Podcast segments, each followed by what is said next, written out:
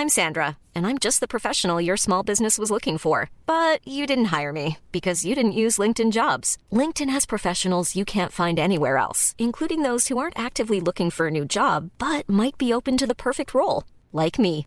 In a given month, over 70% of LinkedIn users don't visit other leading job sites. So if you're not looking on LinkedIn, you'll miss out on great candidates like Sandra. Start hiring professionals like a professional. Post your free job on linkedin.com/people today.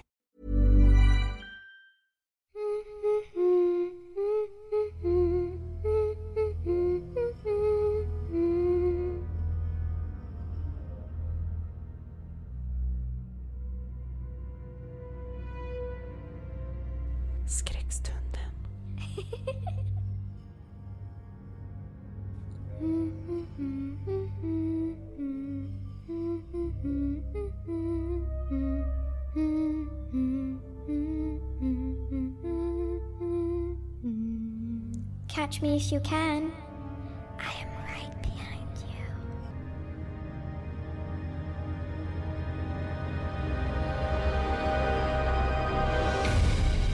Skräckstunden. Hej och välkommen tillbaka till ännu ett avsnitt av Skräckstunden. True crime, det är ett ämne som har varit extremt önskat av många av er, men som också många brukar gnälla på de få gånger jag faktiskt har gjort true crime avsnitt. Idag tänkte jag trotsa er som faktiskt brukar gnälla och istället gå på de här som har önskat det väldigt mycket. Jag har dessutom fått ett speciellt önskemål på ett speciellt fall som jag tänker att jag tar upp i dagens avsnitt. Så nu vet ni som brukar gnälla att idag är det true crime och ni har nu möjlighet att i så fall stänga av. Detta är som sagt av många väldigt önskat och det är därför jag kommer att ta upp det. Detta är ett fall som jag personligen också tycker är väldigt spännande av många olika anledningar. Kanske mest för att det ännu är olöst och för att mördaren har haft ett minst sagt unikt uppförande. Han har skickat brev och så vidare till både media men även till polisen. Sätt dig eller lägg dig till rätta och ladda upp för mysstämning för idag blir det ett lite längre avsnitt igen. Jag hoppas att ni står ut med min fortfarande något svajiga röst och jag ska göra så gott jag kan för att beta mig igenom det här avsnittet. Nu kastar vi oss in i avsnittet och vi ska prata om den mytomspunna, legendariska och kanske mest mystiska seriemördaren genom tiderna. Vi ska prata om Zodiac-mördaren.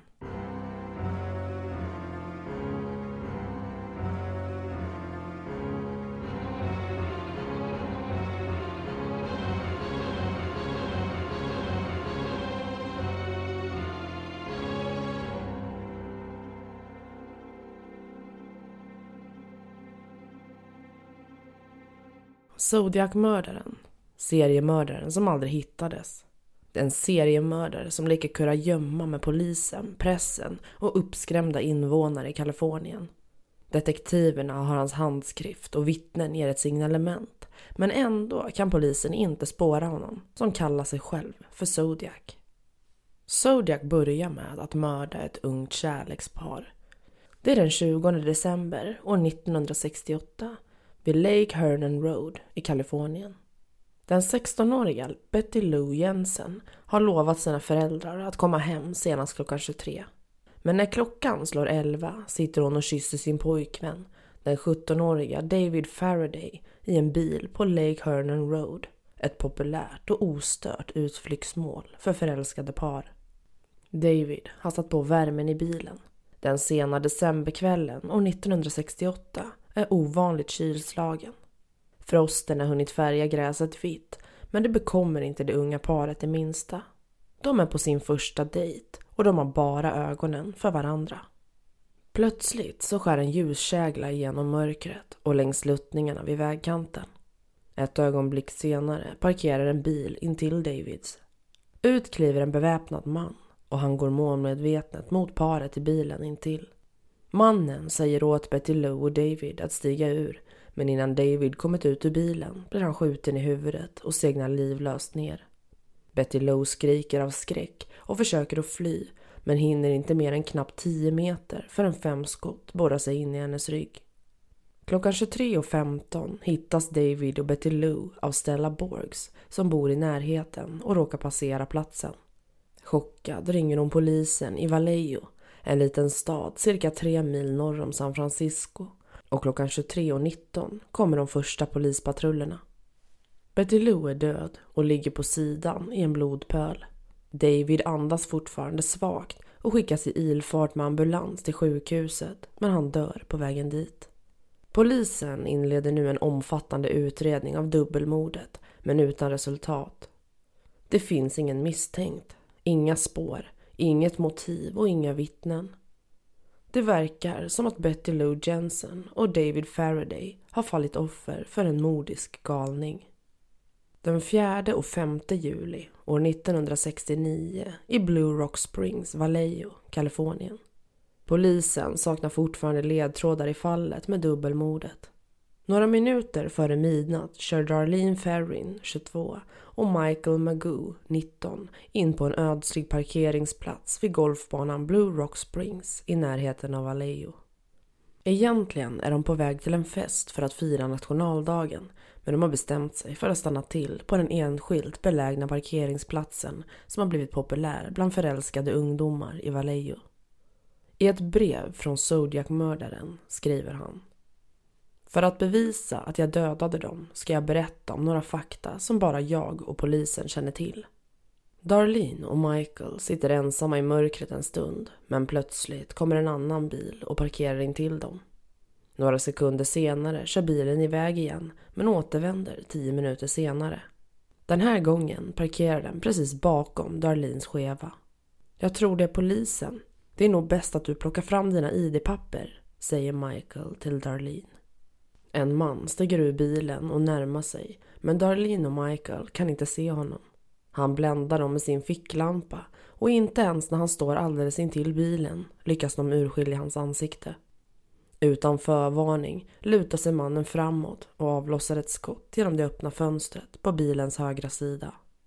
Medan knallen fortfarande dånar i Michaels öron känner han att blodet forsar ner för ansiktet.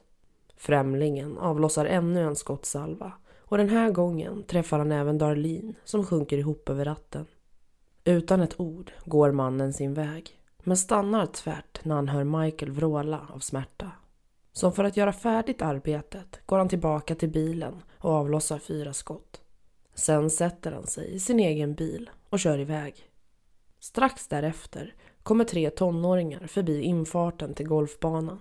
De hör ett dämpat skrik ifrån parkeringsplatsen och upptäcker en man som ligger på marken och vrider sig i plågor. De slår omedelbart larm och en kvart efter midnatt anländer polisen till brottsplatsen. Det är blod överallt i hela bilen och bakom ratten kämpar Darlene för sitt liv. Michael försöker säga någonting men när han öppnar munnen forsar blodet ut. Han lyckas dock stamma fram att en man, kraftig, ung, lös in i bilen och sköt. Darlene och Michael förs i ilfart till sjukhuset men klockan 00.38 dör Darlene. Precis två minuter senare ringer telefonen hos polisen i Vallejo. Jag vill anmäla ett dubbelmord, säger en mansröst. Åk till parken någon kilometer öster om Columbus Parkway så hittar ni två ungdomar i en bil. De är skjutna med en 9 mm luger. Jag mördade också de båda ungdomarna i fjol. Adjö. Rösten var mycket hånfull. Samtalet spåras omedelbart till en telefonkiosk vid en bensinmack som ligger några hundra meter både från Darlins hem och polisstationen. Mannen som ringde är spårlöst försvunnen när polisen kommer dit och för att andra gången på bara ett halvår får de nu börja utreda ett oprovocerat bestialiskt överfall som kan ha utförts av samma gärningsman. Bortsett ifrån att det ena offret överlevde den här gången, om än med väldigt svåra skador, så finns det väsentliga likheter mellan de båda brotten. Båda gångerna har mördaren avlossat flera skott och båda gångerna har han lyckats försvinna utan att lämna efter sig fingeravtryck, däckspår eller fotavtryck. Zodiac kontaktar tidningarna. Den 1 augusti år 1969 i Vallejo, San Francisco. Polisen saknar fortfarande misstänkta men då får tre tidningar i trakterna kring San Francisco ett brev. Posten levererar tre nästan identiska brev till Vallejo Times Herald, San Francisco Chronicle och San Francisco Examiner. Breven är poststämplade i San Francisco och handskrivna med en blå tuschpenna. I breven står det Bäste redaktör. Det här är från mannen som mördade två tonåringar förra julen vid Lake Hernan och flickan den 4 juli i år nära golfbanan i Vallejo. För att bevisa att jag dödade dem ska jag berätta om några fakta som bara jag och polisen känner till. Avsändaren redogör för detaljer kring mordet i december 1968. Han skriver under hela veckoslutet kommer jag att köra omkring och mörda en efter en tills jag har dödat ett tiotal personer. Han anger ammunitionstypen Super X och att han avlossade tio skott. I brevet beskriver han hur den unga mannen låg på rygg med fötterna inne i bilen och att flickan låg på sidan med fötterna åt vänster.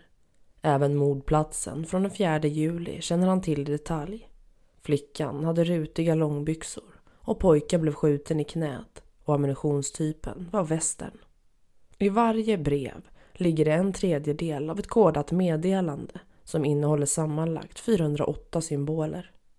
Av denna kod framgår min identitet.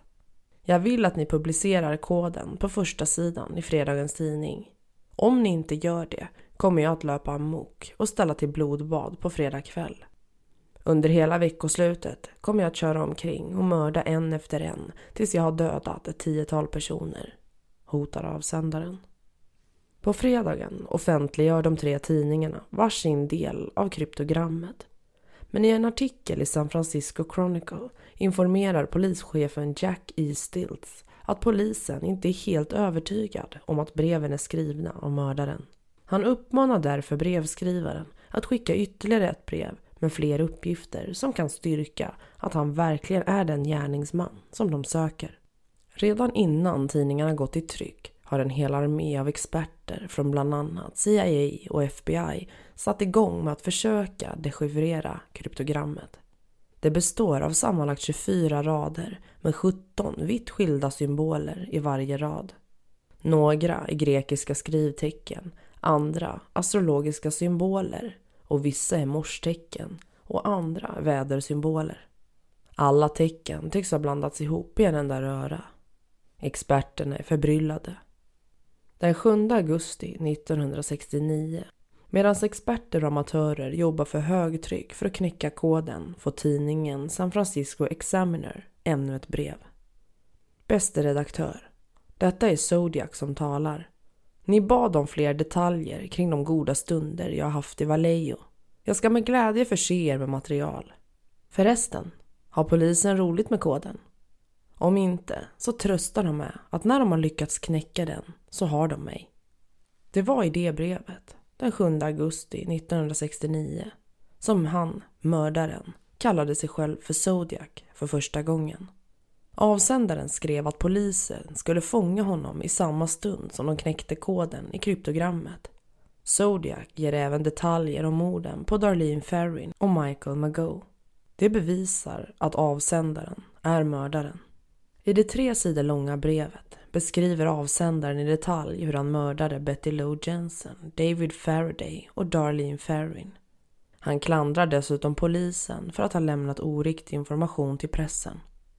Jag lämnade inte parkeringsplatsen vid golfbanan med tjutande däck och vrålande motor som det stod i Vallejo-tidningen. Jag körde sakta för att inte väcka uppmärksamhet, poängterar mannen som kallar sig för Zodiac. Den 8 augusti år 1969 Experter ifrån underrättelsetjänsten har ännu inte lyckats knäcka koden men efter 20 timmars huvudbry lyckas de äkta makarna Donald och Betty Harden tyda kryptogrammet. Zodiac dödar för skojs skull. Det är en sport för honom. Det framgår av kryptogrammet där det bland annat står Jag tycker om att ta livet av människor för det är mycket roligare än att döda vilda djur i skogen eftersom människan är det farligaste djuret av alla. När jag dör vill jag födas på nytt i paradiset och alla de jag har mördat ska bli mina slavar. Läraren Donald Harden insåg varför experterna inte lyckades finna något mönster. Zodiacs kod var primitiv och innehöll dessutom flera stavfel. Nu sades det alltså att Zodiacs kod hade knäckts av amatörer. Donald Harden som undervisade i ekonomi vid Salinas High School i Kalifornien. Flottans experter arbetade med att försöka knäcka koden i Zodiacs kryptogram. Men en lärare och hans hustru blev nu dock först med att lösa gåtan. Som så många andra som roar sig med att lösa korsord på fritiden brukade även han och hans fru ägna sig åt att lösa just kryptogram. De läste tidningarna med de offentliggjorda kodade breven från Zodiac och satte sig för att lösa gåtan. Paret började med att söka efter mönster med fyra tecken som skulle kunna dölja ordet kill, mord eller mörda. De antog att Zodiac skulle använda just det ordet.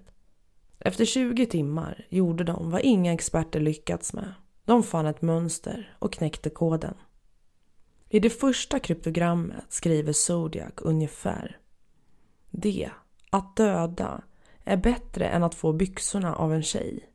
Ni får inte mitt namn, för då kommer ni bara att stoppa mig och stjäla min samling av slavar. Enkla knep hade gjort det svårt för experterna. Zodiac använde till exempel 12 olika tecken för bokstaven E. Harden avslöjade dessutom att Zodiac gjort åtskilliga stavfel. Kryptogrammet avslöjar dock inte namnet på avsändaren och därför är polisen tillbaka på ruta 1. De vet inte vem de letar efter.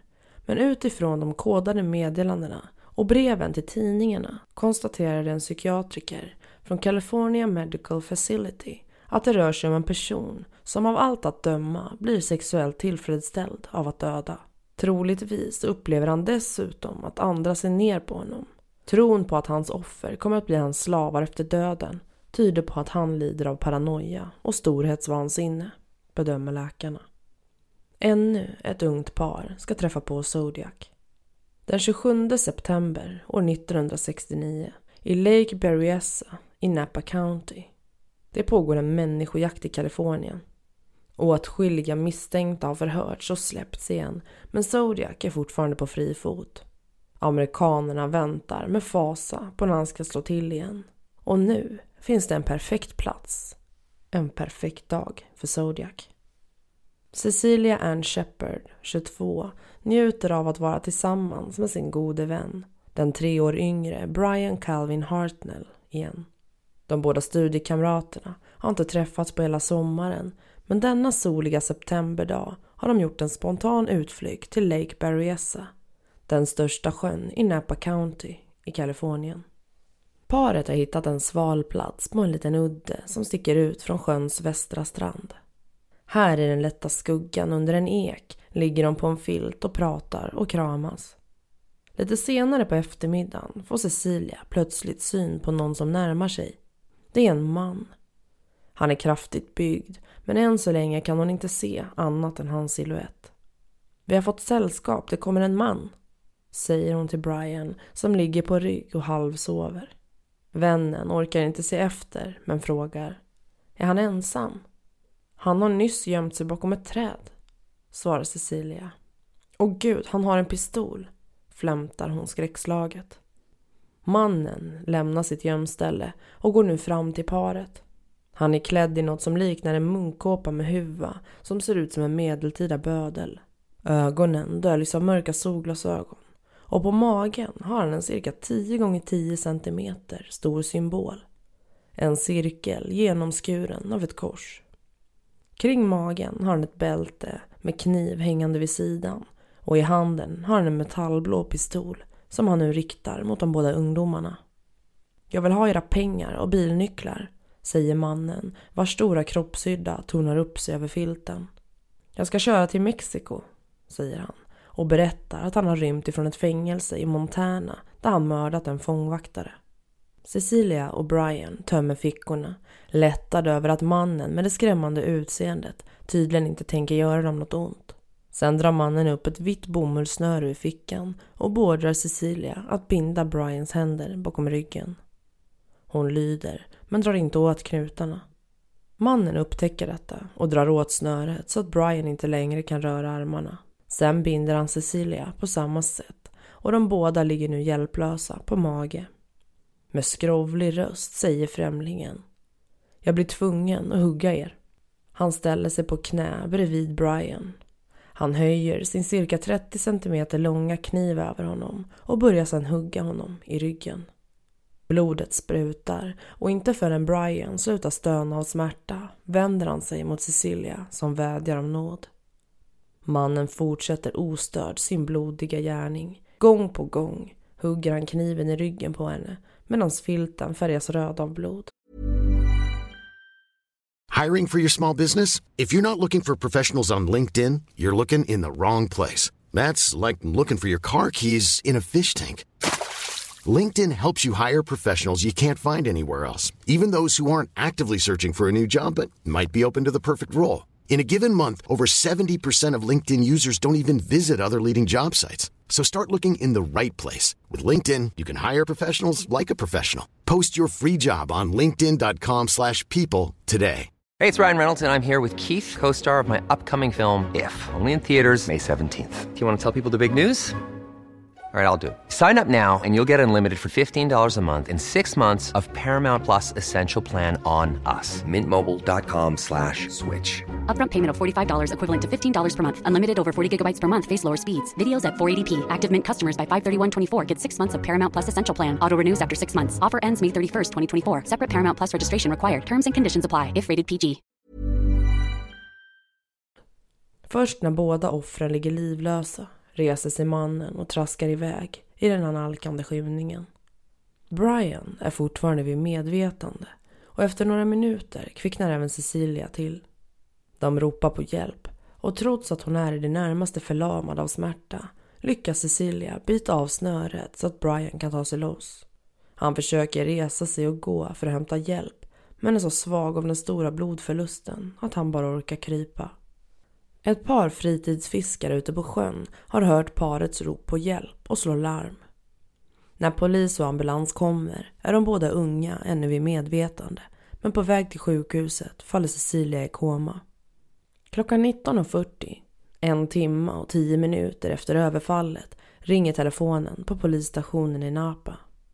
Jag vill anmäla ett mord. Nej, ett dubbelmord, säger en man. Det finns tre kilometer norr om parkkontoret. De körde i en vit Volkswagen Karmangia. Inom några minuter spårar samtalet till en telefonkiosk vid Napa Car Wash på huvudgatan i Napa.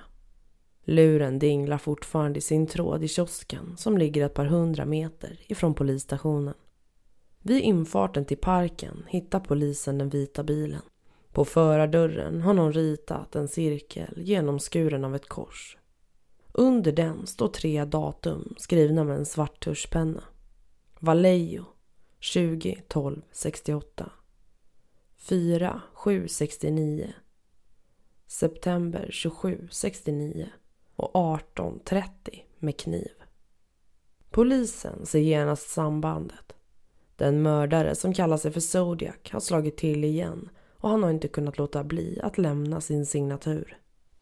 Två dagar senare dör Cecilia Shepard på sjukhuset. Men mirakulöst nog så överlever Brian Hartnell trots sina svåra skador. Hans berättelse får det att gå kalla kårar längs ryggen på invånarna i Napa och Vallejo. Gator och parker ligger numera öde efter mörkrets inbrott. Hartnell som överlever kan också beskriva mördarens klädsel. Den 11 oktober 1969 i San Francisco. Polisen i Napa samarbetar med kollegorna i Vallejo i ett försök att ta fast Zodiac. Varje dag får de hundratals tips, men inget av dem leder dem vidare. När 29-årige Paul Lee Steen rattar ut sin gula taxi förbi de parkerade bilarna vid Pinecrest Restaurant och ut i den täta kvällstrafiken så får han en kund. En man hoppar in i baksätet och ber om att få bli körd till en adress i Presidio Heights. Ett fashionabelt bostadsområde i San Francisco. När Steen ett par minuter i tio på kvällen stannar vid den önskade adressen ändrar sig kunden och ber chauffören att fortsätta ett kvarter längre fram. När taxin bromsar in på nytt trycker kunden en pistol mot chaufförens högra tinning och trycker av. Paul Lee Steen dör på fläcken offer för en ren avrättning. Efter ett par minuter skyndar sig mannen iväg. Tre tonåringar har sett händelsen ifrån ett fönster på tredje våningen och ringer polisen. Men när de första patrullerna kommer till platsen är mördaren som uppslukad av jorden. I mörkret har de tre vittnena inte kunnat se mannens ansikte tydligt men tonåringarna har trots det en god uppfattning om hur han ser ut. Han är vit, kraftigt byggd, 35 till 45 år gammal. Han har rödbrunt, kortklippt hår och han bär glasögon. Med det signalementet som utgångspunkt skapar polisen en fantombild som sedan skickas ut till alla taxichaufförer i San Francisco-området. Polisen hittade inte ett enda spår som i en eventuell rättegång skulle kunna användas som fällande bevis. Det fanns inga fingeravtryck eller vittnesmål som kopplade samman morden. Zodiac avslöjade dock detaljer om sina brott i breven till polisen och tre tidningsredaktioner i San Francisco. Bara i fem fall kom han med uppgifter som inte offentliggjordes. Fakta som endast polisen och den skyldige kunde känna till. Därför kunde polisen bara peka ut Zodiac som mördare i fem av fallen. Fem stycken har då konstaterats vara Zodiacs dödsoffer. I ett av sina brev till San Franciscos polis och tidningar hävdade Zodiac att han låg bakom inte mindre än 37 mord. Polisen kunde dock bara bekräfta fem av morden. Den 14 oktober år 1969. Polisen antar att Paul Lee Steen råkat falla offer för en brutal rånare. Men de har fel. Insändarredaktören på San Francisco Chronicle studsar till när hon upptäcker att det brev hon håller i handen saknar avsändaradress. På pappret finns istället en cirkel genomskuren av ett kors. Försiktigt öppnar hon brevet och ögnar igenom texten. Den inleds med orden Detta är Zodiac som talar. Jag mördade taxichauffören häromkvällen. För att bevisa det skickar jag härmed en blodig bit av en skjorta. Brevet lämnas genast till polisen som konstaterar att tygbiten mycket riktigt kommer från Stins gråvita skjorta. Poliserna ryser när de läser brevet som avslutas med orden Skolbarn är bra måltavlor. Jag tror att jag ska utrota en skolbuss imorgon. Bara skjuta hål på framdäcket och sen panga ner ungarna, en efter en när de hoppar ut. Hotet mot barnen skrämmer slag på invånarna i staden och många bestämmer sig för att hålla sina barn hemma från skolan. Polisen vidtar omedelbart åtgärder för att säkra alla skolbussar i San Francisco med omnejd. Bussarna får poliseskort och chaufförerna får information om hur de ska bete sig i en händelse av ett attentat. Fortsätt köra om ett däck går sönder och se till att barnen lägger sig ner på golvet. Men Zodiac fortsätter brevskrivandet. Den 10 november 69. Polisen har fortfarande inga spår som kan leda dem till Zodiac och han skickar två brev till San Francisco Chronicle. Detta är Zodiac som talar. Fram till slutet av oktober har jag dödat sju människor. Så står det i ett av breven som innehåller ytterligare en bit av taxichaufförens blodiga skjorta. Zodiac talar om att han även i fortsättningen kommer att samla slavar på ett annat sätt än tidigare.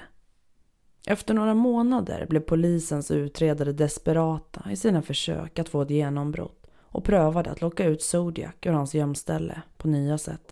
Det populära tv-programmet Jim Dunbar Talk Show sändes direkt på Channel 7 klockan 6.30 den 22 oktober år 1969. Här uppmanade den berömde advokaten Melvin Belly och programledaren Dunbar mördaren att ringa in under sändningen. Tittarna i hela landet höll andan av spänning. Klockan sju och tio ringer telefonen äntligen, men någon la på luren. Tio minuter senare kom ännu ett samtal från en man som presenterade sig som Sam och erkände att han var mördaren. I drygt två timmar försökte Dunbar och Belly att få mannen att prata men han bröt ständigt förbindelsen och ringde sen upp igen. Totalt 35 gånger. Behöver du läkarvård? frågade Belly vid ett tillfälle. Ja, medicinskt, inte psykiatrisk svarade Sam som gick med på att möta Belly i Dallas City, San Francisco. Mannen dök aldrig upp och senare spårades telefonsamtalen till Napa State Hospital. Sam var inte Zodiac utan en psykiskt sjuk patient. Här vill jag bara stoppa och flika in lite innan vi går igenom det sista för dagens avsnitt. I samband med det här avsnittet så kommer jag ha en hel del spännande bilder som är relaterade till det här avsnittet som jag inte vill att ni ska missa. Därför vill jag bara flika in och säga att ni missar väl inte att följa mig på Instagram men också gå med i min grupp på Facebook som heter Skräckstunden eftersnack. Ni kommer helt enkelt få se och ta del av där en hel del bilder som är spännande och relevanta till det här avsnittet. Bland annat fantombilder som målades upp av polisen efter vittnesmålen. Ni får även se de här breven med de här kryptiska koderna. Nu går vi vidare. Sam visade sig ju inte vara Zodiac utan en psykiskt sjuk patient. Han kommer inte längre att berätta när han har dödat någon och morden kommer hädanefter att se ut som ett rutinrån, hämndmord och fingrerade olyckor. Polisen kommer aldrig kunna ta fast mig eftersom jag har varit alldeles för smart för dem, skriver han. Än en gång har Zodiac bifogat ett kodat meddelande. Ett kryptogram med 340 symboler. Dessutom har han gjort en detaljerad ritning över en bomb som han, enligt vad han skriver i brevet, har för avsikt att använda vid ett attentat mot en skolbuss. Polisen förmodar att Zodiac skryter på sitt eget sinnessjuka sätt när han påstår att han har dödat sju människor. Hur som helst så känner man inte till fler ouppklarade mord i Kalifornien. Å andra sidan så tvivlar polisen inte heller ett ögonblick på att han är fullt kapabel till att använda en bomb. Men de väljer att tiga om hotet för att inte skrämma upp allmänheten ännu mer. Den 29 januari år 1970. Koden med de 340 symbolerna går inte att knäcka. Zodiac fortsätter att sprida hotbrev omkring sig. På onsdagsmorgonen kommer ett vykort till San Francisco Chronicle från Zodiac. Jag hoppas att ni kommer att gilla när jag spränger min bomb. Om ni inte vill att jag ska utföra sprängningen ska ni göra två saker. 1. Berätta för alla om bussbomben in i minsta detalj. 2. Jag skulle vilja se några fina Zodiac-märken på stan. Alla människor går omkring med olika märken, fredstecken, black power etc. Och det skulle muntra upp mig väldigt att se en massa människor som bär mitt märke. Den 26 april 1970. Polisen hade fortfarande ingen misstänkt i fallet och efter tre månaders tystnad är Zodiac tillbaka igen med nya skriverier. I ett brev till San Francisco Chronicle berättar Zodiac att han är mycket irriterad över att folk inte går omkring med Zodiac-märkena på sina kläder. Men eftersom sommarlovet har börjat så kan han inte som utlovat straffa folk genom att utplåna en fylld skolbuss. Istället berättar han att han har tagit sin hämnd genom att skjuta en man som satt i en bil på en parkeringsplats. I slutet av brevet har han lagt till någon slags resultatslista som påstås visa hans uppdaterade mordresultat. Zodiac 12. San Francisco Police Department 0. Under fyra år ger Zodiac inte ifrån sig ett enda livstecken.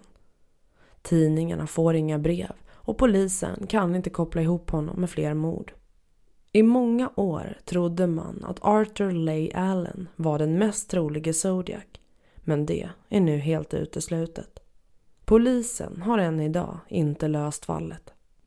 En högt uppsatt affärsman från San Francisco och en lärare vid ett university fanns bland de drygt 2500 män som polisen höll ögonen på i jakten på Zodiac-mördaren.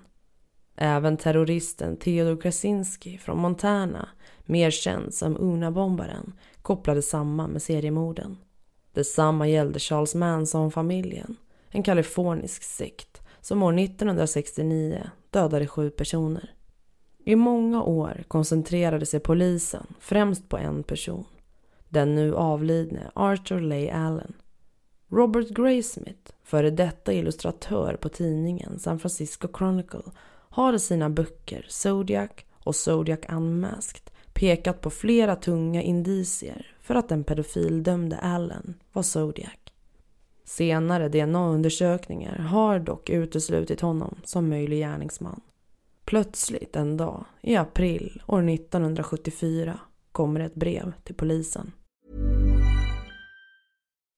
When you make decisions for your company, you look for the no-brainers. If you have a lot of mailing to do, stamps.com is the ultimate no-brainer. Use the stamps.com mobile app to mail everything you need to keep your business running with up to 89% off USPS and UPS. Make the same no-brainer decision as over 1 million other businesses with stamps.com. Use code program for a special offer. That's stamps.com, code program.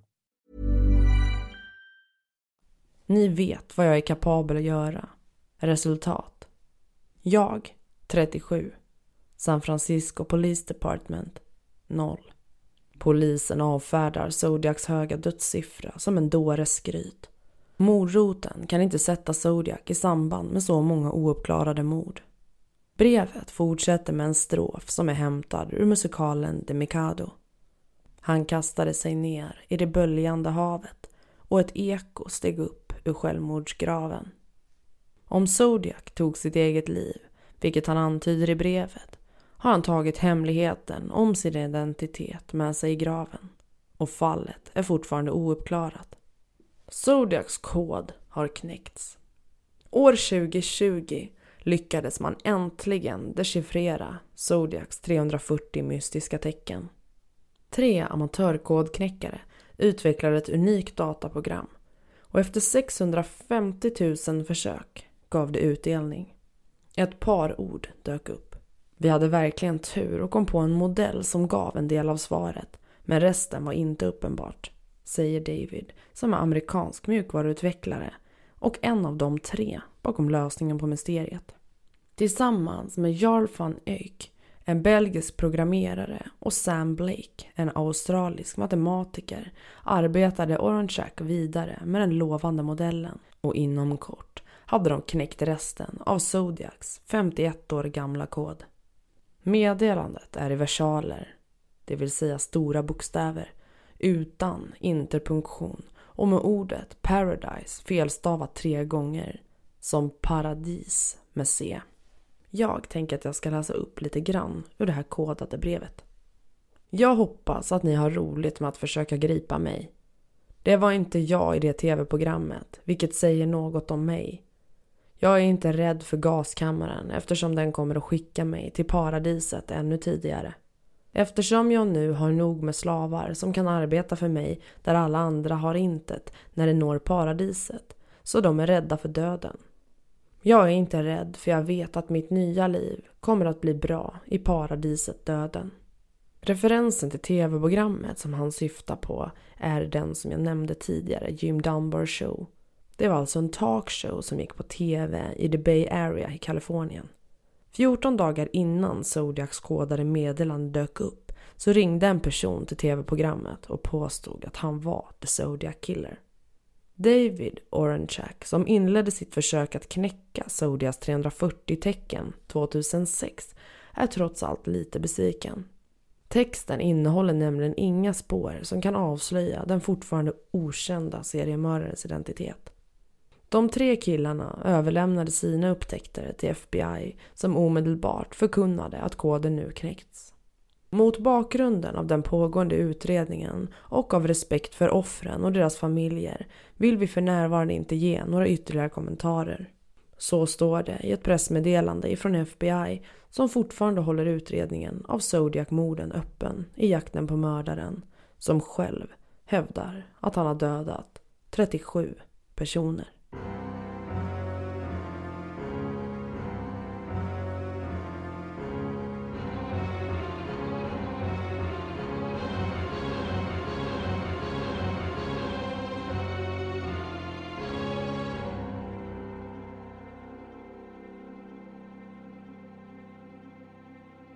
Det var allt för dagens avsnitt om Zodiac-mördaren. Jag antar att många av er har hört talas om honom, i alla fall i stora drag tidigare. För er som inte har gjort det så fick ni här en ganska bra inblick i det här fallet. Jag hoppas verkligen att ni vill diskutera det här avsnittet både med mig men även med varandra i kommentarsfältet. Jag hade tyckt att det var superintressant att höra vad ni tror om det här fallet. Har han dödat mer än de här personerna som polisen har kunnat fastställa? Eller var hans 37 personer som han påstår bara en rent skryt för att visa sig maktfull?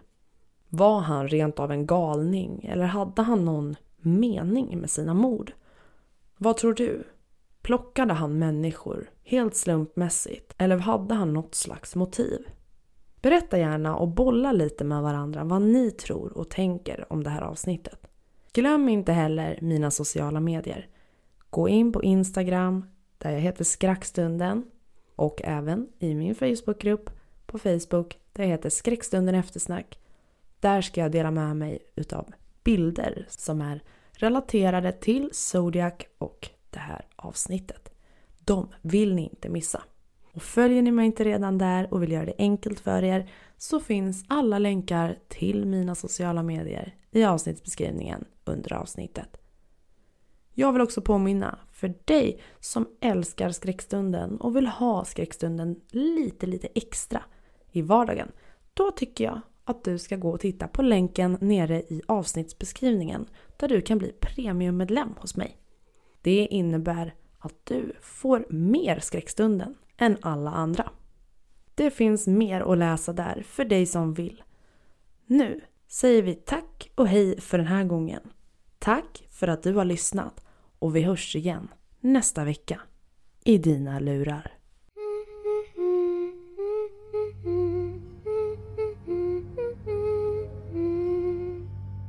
Du har lyssnat på Skräckstunden. En podcast som får ditt blod att frysa till is. Om du vågar så hörs vi snart igen. Catch me if you can. I am